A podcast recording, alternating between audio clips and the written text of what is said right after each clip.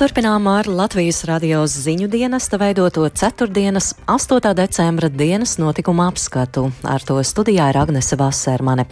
Esiet sveicināti un vispirms par dažām no aktualitātēm, par ko tūdaļ vēstīsim plašāk. Bunkus slepkavības lietā apsūdzības celtas trim personām. Slepkavība izmaksājusi 300 tūkstošus eiro. Pagarina atbalsta periodu Ukrainas bēgļiem, neliks mācīties latviešu valodu. Nosacījumi par atbalstu Ukraiņas bēgļu izmitināšanai Latvijā 120 dienas un ēdināšanai 30 dienas bija paredzēti tikai līdz šā gada beigām. Šis termiņš pagarināts līdz nākamā gada jūlijam. Horvātija uzņemta Schengenas zonā. Tas nozīmē, ka ceļojot tur no Latvijas vai citām Schengenas zonas valstīm uz robežas vairs netiks veikta dokumentu pārbaude. Turpretī par Rumānijas un Bulgārijas pievienošanos vienprātību nav izdevies panākt. Tāpat Latvijā ratinīku atbrīvo no Rīgas domas izglītības komitejas vadītāja samata. Esmu ļoti sarūktināta. Lieki teikt, ka mēs ar mēra kungu kandidējām no viena saraksta uz Rīgas domu. Un šāda komunikācija nekādā veidā darba uzvaras neveicina. Par to visu tūdaļ arī plašāk.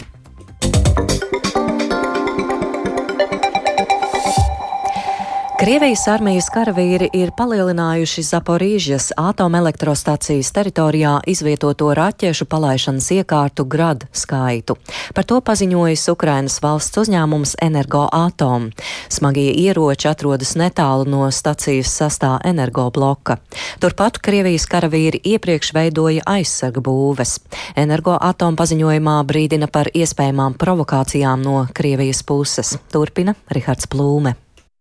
Kā šodien izplatītajā paziņojumā skaidro uzņēmums Energoatom, visticamāk gaidāmā provokācija ir Ņepras pretējā krasta, jo īpaši Nikopoles un Margaņēcas pilsētu apšaudīšana ar šīm gradu iekārtām tieši no atomelektrostacijas teritorijas, izmantojot energobloku un izlietotās kodoldegvielas krātuvi kā aizsegu.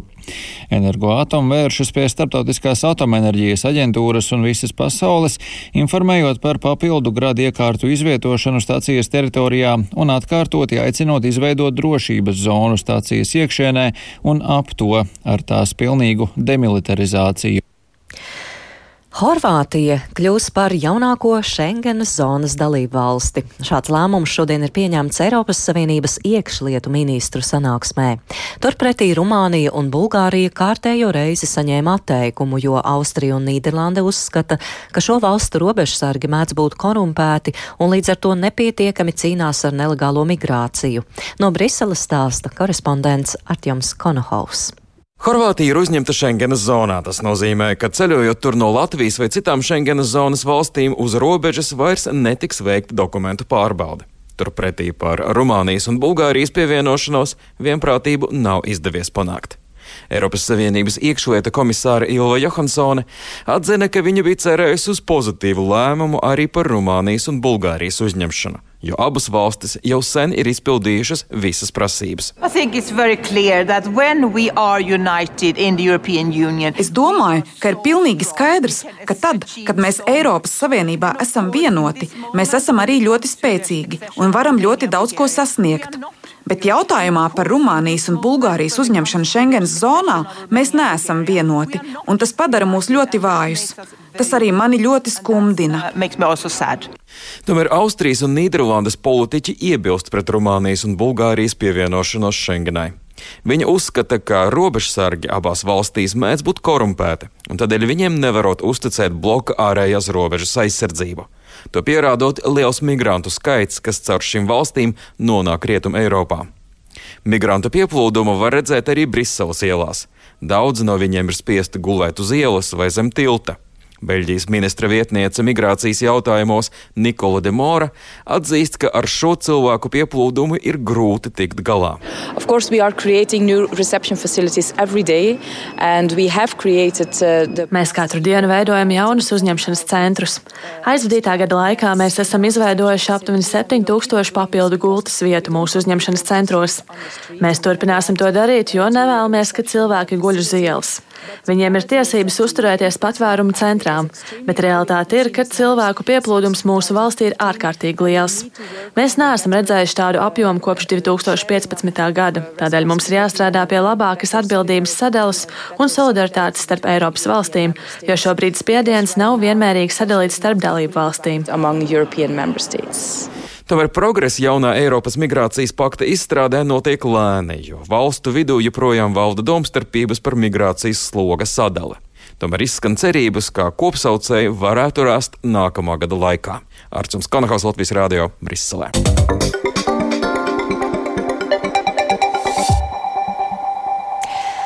Saima ir atbalstījusi palīdzības sniegšanas termiņa pagarināšanu Ukrainas bēgļiem Latvijā, un šis laiks ir pagarināts līdz nākamā gada jūnija beigām. Vienlaikus ir noraidīta iecerē par uzdevumu Latvijas strādājošajiem Ukrainas valsts piedarīgajiem obligāti apgūt valsts valodu. Vairāk Jāņa Kīņšas sagatavotajā ierakstā. Nosacījumi par atbalstu Ukrainas bēgļu izmitināšanai Latvijā 120 dienas un ēdināšanai 30 dienas bija paredzēti tikai līdz šā gada beigām. Ar pātrinātā kārtībā virzītām likuma izmaiņām šis termiņš pagarināts līdz nākamā gada jūlijam. Termiņu uzturēšanās atļauju Ukrainas kara bēgļiem turpmāk izsniegs uz diviem gadiem, tāpat uz vairāk nekā gadu pagarinās periodu, kurā Latvijā par derīgu uzskatāms Ukrainā izsniegts ceļošanas dokuments ar beigušos derīgumu termiņu. Partijas progresīvie frakcija aicināja aicināja atbalsta pasākumu kopumu Ukrainas kara bēgļiem Latvijā noteikti līdz 2024. gada 4. martam, datumam, līdz kuram Eiropas komisija pagarinājusi pagaidu aizsardzības direktīvu. Deputāts Andris Šuvājevs no progresīviem norādīja, ka būtu jāpielāgojas šim Eiropas komisijas noteiktajam datumam. Ja mēs to nedarām, mums jau šobrīd ir prognozējamas vairākas problēmas. Tie Ukraiņas civiliedzīvotāji, kas ieradīsies Latvijā 2. martā, jau saskarsies ar juridiski neskaidru situāciju, jo no vienas puses viņiem būs solīts atbalsts pirmās 120 dienas, un tajā pašā laikā mēs būsim solījuši, ka mēs šo atbalstu varam finansēt tikai līdz 30. jūnijam. Un līdz ar to būs atkal neskaidrība, nesakritība. Progresīvo priekšlikumu noraidīja bez debatēm. Atbalsta nebija arī idejai par obligātu pienākumu šeit strādājošajiem no Ukrainas iebraukušajiem apmeklēt latviešu valodas apmācības. Priekšlikumu aizstāvēja Nacionālās apvienības līderis Raivis Dzintars. Tiem, kas ilgtermiņā savu nākotni saista ar Latviju, ir jāzina valsts valoda, un latviešu valoda kā vienīgā valsts valoda ir kopīga vērtība visiem mūsu cilvēkiem. Savējiem arī ieceļotāji no Ukrainas, kas strādās un dzīvos Latvijai, ir savējie, un tieši tāpēc cieņa pret viņiem nozīmē, ka mēs arī atklāti informējam, kas ir mūsu valsts pamatvērtības, kuras mēs cienam un sagaidām, ka cienīs ik viens cits. Vairāki deputāti piebilda, ka prasība Latvijā strādājošajiem zināt latviešu valodu jānosaka citos likumos un nesaistīta ar valsti, no kuras cilvēki ieradušies. Saimas juridiskās komisijas vadītājs Andrejs Judins no jaunās vienotības arī vērs uzmanību, ka norma par latviešu valodas kursu obligātu apmeklēšanu radītu problēmas lielai daļai Ukrainas bēgļu. Cilvēkam, lai strādātu, ir jāapmeklē kursi. Viņš atnāca uz institūciju un skaidra latviešu valoda runā, ka es nodzīvoju gadu, es jau runāju latviešu valodu. Mūsu ierēģis ņem likumu un saka, nu, piedodiet uz kursiem, vienalga uz kursiem. Tas nav pareizi. Vienlaikus likumā iekļaus normu par Ukraiņas civiliedzīvotāju iespēju bez maksas apmeklēt latviešu valodas apmācības un dažādus pasākumus. Tāpat likuma grozījumi paredz pašvaldību kapitāla sabiedrību iespējas atkārtot vēl šogad sniegt dāvinājumus Ukrainai. Šī iecerē sagatavota pēc uzņēmuma Rīgas satiksme vēlmes vēl šogad otrais pēc Ukrainas lūguma ziedot autobusus. Iepriekš izmantošanai Ukrainā ziedot 11 autobusi, bet Rīgas satiksme plāno uz Ukrainu nogādāt vēl 10 transporta līdzekļus. Jānis Kincis, Latvijas radio.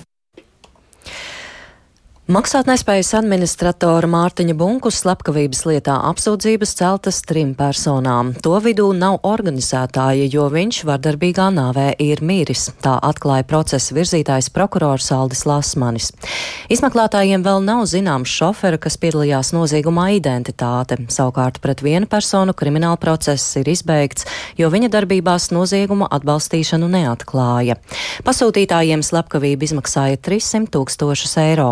To veica rūtīti noziedznieki, kas iesaistīti vēl citās slepkavībās un to plānošanā. Prokurors Lasmanis atklāja, ka grupējums jau iepriekš mēģināja bunku noslapkavot. 2016. gada, ja nemaldos, 27. septembrī patiesībā bija Mārtiņa Bunkus slepkavības mēģinājums, nevis brīdinājums, bet uh, cieta neveiksme.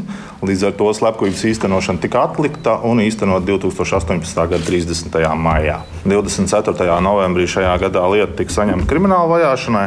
Trīs personām ir celtas apsūdzības, divām personām par uzskūtīšanu, izdarīt šo slepkavību. Vienai no šīm personām arī par slepkavības atbalstīšanu. Šajā krimināla procesā celta apsūdzība arī ir personai, kas izdarīja šāvienus. Kā rezultātā Mārtiņš Bunkus mira šajā krimināla procesā. Apsūdzība nav celta organizētājiem, jo organizētājs ir miris. Šī personas nāve vardarbīga bija.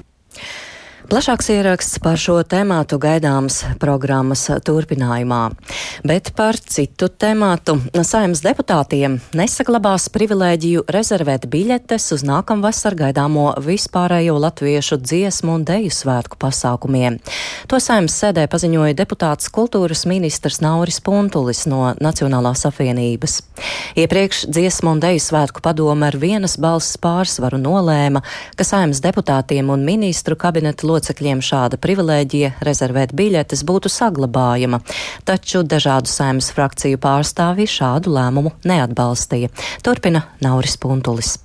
Padomas locekļu vidū bija absolūta vienprātība, ka saimnes deputātiem un ministra kabineta locekļiem būt klātesošiem nācijas nozīmīgākajos svētkos, turklāt svētku 150 gadē, ir pienākums un goda jautājums.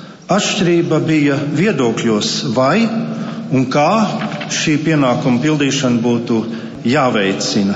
Balstoties uz rīkotāju biļešu komisijas viedokli un nevienprātīgo dziesmu svētku padomus balsojumu, ir pieņemts lēmums izņemt saimnes deputātus no to personu loka, kam būs iespēja iegūt biļetes iepriekšējā rezervācijā. Saimnes deputāti arī apspriež iepriekš mandātu ētikas un iesniegumu komisijā noraidīto vairāk nekā 23 tūkstošu cilvēku parakstīto iniciatīvu par visu ģimeņu aizsardzību. Tajā rosināts tiesiski atzīt ārpus laulības savienībā dzīvojošus pārus, taiskaitām viendzimumu savienības un nodrošināt viņu sociālo aizsardzību. Jāatgādina, ka Saimnes juridiskās komisijas vairākums pagājušajā nedēļā nolēma neturpināt 13. saimā iesākt uzsākto darbu ar iniciatīvu par visu ģimeņu tiesisko aizsardzību, kas paredz ieviest jaunu veidu divu pilngadīgu personu kopdzīves juridiskai reģistrēšanai. Vairāk nekā 400 kultūras nozares darbinieku publiskā vēstulē ir norādījuši uz pretrunu kultūras ministra Naura Puntuļa balsojumā pret iniciatīvas par visu ģimeņu tiesisko aizsardzību iekļaušanu sēdes darba kārtībā.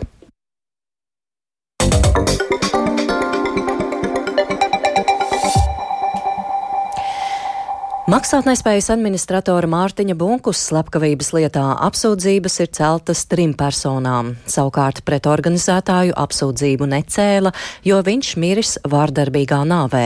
Pasūtītājiem slepkavība izmaksāja 300 tūkstošus eiro. Procesa virzītājs atklāja, ka jau 2016. gadā noziedzīgais grupējums ir mēģinājis Bunku noslepkavot. Plašāk Lindas Spundiņas ierakstā. Maksātnespējas administratoru Mārtiņu Bunkus noslapkavoja 2018. gada 30. maijā, taču jau 2016. gadā bija noziedznieku grupējuma pirmais neveiksmīgais slepkavības mēģinājums. Todien ierocis tehnisku iemeslu dēļ neizšāva. Bunkus to uzskatīja par brīdinājumu, tāpēc vērsās policijā, taču lieta tika izbeigta. Tolaik Bunkus kā Rego trade maksātnespējas administrators no Mihaila Uļmana un citiem bijušiem uzņēmumu valdes locekļiem caur tiesu piedzina vairāk nekā vienu miljonu eiro. Tāpēc Uļmanam radās domstarpības ar Bunkus. Noziedzīgais grupējums pēc neveiksmīga mēģinājuma rūpīgi gatavojās bunkus slepkavībai. Maksātnespējas administratora pārvietošanās tikusi ilgstoši novērota, lai izdarītu pieņēmumus par viņa ikdienas maršrutiem. 2018. gadā bunkus nošāva. Lietā par slepkavību un arī par tās mēģinājumiem apsūdzība celta trim personām, stāsta procesa virzītājs prokurors Aldis Lasmanis. 24. novembrī šajā gadā lieta tika saņemta krimināla vajāšanai. Trīs personām ir celtas apsūdzības, divām personām par uzskūtīšanu, izdarīt šo slepkavību. Vienai no šīm personām arī par slepkavības atbalstīšanu. Šajā krimināla procesā celta apsūdzība arī ir personai, kas izdarīja šāvienus. Kā rezultātā Mārtiņš Bunkus mira šajā krimināla procesā apsūdzība nav celta organizētājiem, jo organizētājs ir miris. Šī personas nāve vardarbīga bija. Iepriekš jau izskanējis, ka šīs personas ir uzņēmēji Aleksandrs Babenko un Mihails Uļmans, šāvējs Krievijas pilsonis. Zināms, ka slepkavību organizēja kāds Latvijas iedzīvotājs, kurš ir miris. Personām šobrīd piemērots drošības līdzeklis - apcietinājums. Savukārt pret vienu personu krimināla process izbeigts, jo nekonstatē šī nozieguma atbalstīšanu. Vēl likumsargi nav identificējuši šoferi, kas piedalījās noziegumā. Pasūtītājiem slepkavība izmaksāja 300 tūkstošus eiro, turpina Rīgas tiesas apgabala prokuratūras virsprokurors Armīns Meisters. Šīs personas, kas ir saistītas ar šo noziedzīgo nodarījumu, darbojās nu, tāda rūtīta, kā saka, noziedznieki, nevis iesācēji, kura dzīvesveids ir noziedzīgā pasaule, tās darbības principi. Tostarp arī nu, ir ziņas par šo personu saistību ar citām slepkavībām, gan notikušām, gan plānotām. Tā ir nopietni rūtīti noziedznieki, tāpēc arī viņi bija tik grūti atklāt. Policija izdalīja vēl divus kriminālu procesus. Vienu par noziedzīgu līdzekļu legalizāciju, un otru par noziedzīgiem nodarījumiem tautsēmniecībā. Par policijas darbu stāstu valsts policijas organizētās noziedzības smago un serīveidu noziegumu apkarošanas pārvaldes priekšnieks Pēters Bauska. Arestēti ir līdzekļi apmēram 50 miljonu apmērā, veikta apjomīga starptautiskā sadarbība ar apmēram 45 valstīm, īpaši ar astoņām. Aptaujā tas ir 300 personas lietā kopumā nopratināti virs 200 lieciniekiem. Par procesa gaitā gūtās informācijas nopludināšanu pret vienu valsts policijas amatpersonu šobrīd uzsākta disciplināra lieta. Nekā personīgi jau vēstīja, ka saistībā ar bunkas slepkavības lietu oktobra sākumā atstādināts valsts policijas krimināla izmeklēšanas pārvaldes pirmās nodaļas priekšnieka vietnieks Jānis Kāpostiņš. Linda Spundiņa, Latvijas radio.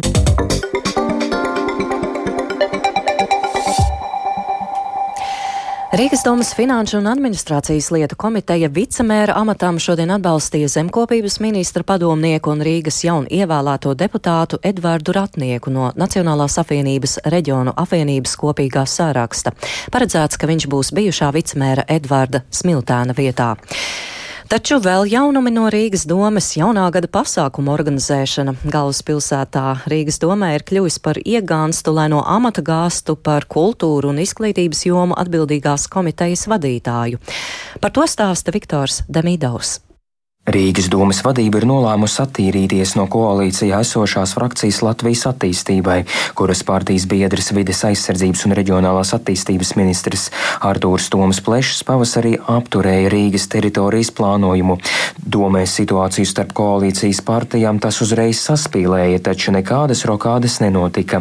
Tagad, aizbildinoties ar novēlotu pilsētas gatavošanos jaunā gada pasākumiem, mērs Mārtiņš Staķis aicinājis no amata atstādināt izglītības Savienības kultūras un sporta komitejas vadītāju Ivetu Ratinīku, kura saņemot ziņu ir sašutusi, apgalvojot, ka ne no viena nav saņēmusi nekādus pārmetumus par savu darbu. Esmu ļoti sarūktināta, ka pēc ļoti ļoti intensīva divu gadu un divu mēnešu darba.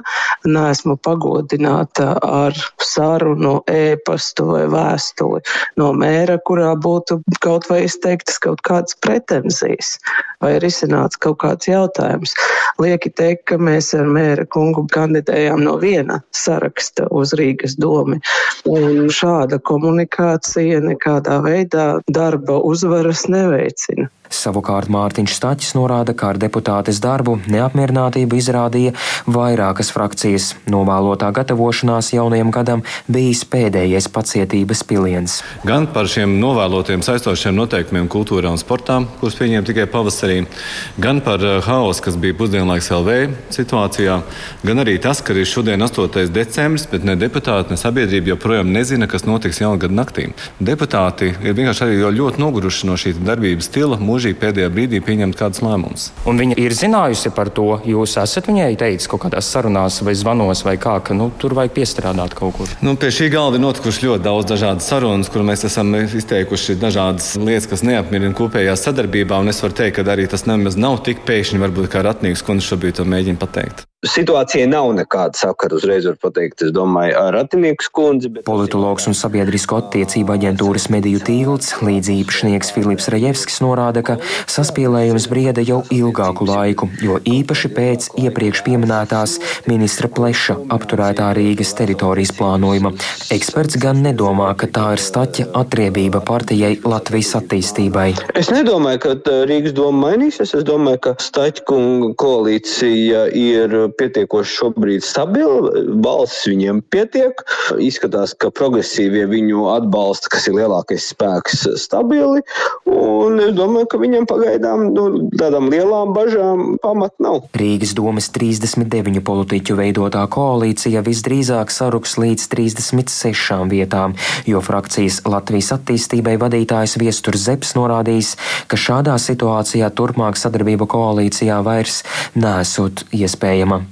Savukārt izglītības, kultūras un sporta jautājumus Rīgā turpmāk pārraudzīs par progresīvo pārstāvi Laima Gekina.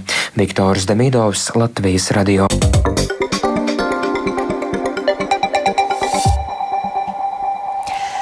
No nākamā gada Austrumu slimnīcas onkoloģijas centrā tomēr turpinās nodrošināt palīdzību pacientiem, kam būs nepieciešama otorino laringologa iesaistīšanās. Jau ziņots, ka no darba līdz ar nākamo gadu solīja aiziet visi trīs onkoķirurgi, lor speciālisti, taču nu ar vienu tomēr izdevies vienoties par palikšanu. Vairāk stāsta Kristaps Feldmanis. Novembra beigās par aiziešanu no Latvijas onkoloģijas centra paziņoja trīs vadošie LOR ārsti. Kā iemesls izskanēja jaunu un modernu iekārtu trūkums, nepietiekams algas un arī vadības attieksme. Tas draudēja ar veselas onkoloģijas centra nodaļas slēgšanu. Šobrīd gan Rīgas Austrum Kliniskās Universitātes slimnīcas ārstniecības direktore Ilze Puča, kuri apliecina, nodaļa darbu varēs turpināt arī nākamajā gadā, pie tam ar tādu pašu jaudu, jo viens no ārstiem tomēr piekritis palikt. Tāpat darbam nodaļā piesaistīs kādu agrāku agrāko dienu kolēģi. Uz doto brīdi ar 1. janvāri mums viens no ārstiem ir gatavs turpināt darbu. Un uh, arī paralēli tam mēs piesaistam arī vienu no bijušajiem kolēģiem, kas ir gatavi mums palīdzēt. Līdz ar to tātad ambulatorās konsultācijas tiks sniegt trīs dienas nedēļā, kā jau tas ir bijis uh, līdz šim. Pučkuri saka, vienu no aiziet solījušajiem doktoriem pierunāt izdevies sarunu ceļā un atalgojuma celšana nesot bijis iemesls. Vairāk tas saistīts ar solījumiem sniegt ārstam profesionālās attīstības iespējas. Tikmēr gan no doktora Elzas Rātes, gan no šī brīža nodaļas vadītāja Romāna Zalba sacītā Latvijas radio izdevies noskaidrot, ka pierunāt palikt slimnīcā izdevies trešo promgājēju, dakteri Renāru Deksni. To apstiprina arī pats Deksnis, taču sīkāk jautājumu nekomentē, atsūtot nelielu ziņu rakstiski. Ņemot vērā sāsināto viedokļu sadursmi publiskajā telpā, plašāk nekomentēšu savu lēmumu. Varu tikai piebilst, ka man ir savi apsvērumi un pamatojums, kāpēc pieņēmu lēmumu palikt un darbu turpināt. Plašāk nevēlos skaidrot un komentēt, jo esmu ārsts un daru savu darbu, cik labi vien protu un spēju. Taču no abu pārējo kolēģu rātes un zalba sacītā noprotams, dekšņa rīcība abiem likusi justies nodotiem. Latvijas radio vēlējās noskaidrot šī brīža nodaļas vadītāju vadītāja Romāna Zalba komentāru par to, vai pastāv iespēja, ka par palikšanu ar slimnīcu vienojas arī abi pārējie kolēģi, viņš un doktori Rāte, taču Zalbs īsā un kodolīgā izziņā no komentārā teicās. Mēs ar doktori Rāti joprojām aizejam no rakus. Plašāk komentēt vairs nevēlos. Esmu izdedzis, izsmiets, nodots. Pietiek! Savukārt Elza Rāte sarunā ar Latvijas radio skaidro lēmumu aiziet viņa pārdomāt neplāno. Mēs neatkāpsimies, mums bija arī saruna ar valdi, kurā mēs tā arī pateicām, nu, ka mēs tomēr visi gājām uz vienu mērķi, nu, beigās sanāk tā, kā sanāk. Jūs varbūt varat izstāstīt, kas bija tie galvenie iemesli, kāpēc jūs pieņēmāt šos lēmumus? Pirmām kārtām noteikti tā bija attieksme, otrām kārtām tehniskais aprīkojums un trešais atalgojums. Taču pacientiem galvenais ir tas, ka Austrum Kliniskās Universitātes slimnīca jau šobrīd pieraksta gan uz onkoloģijas centra LOR nodaļā plānotajām ambulatorijām konsultācijām, gan stacionārajā veicamajām manipulācijām arī nākamā gada janvārī. Kristaps Feldmanis, Latvijas radio.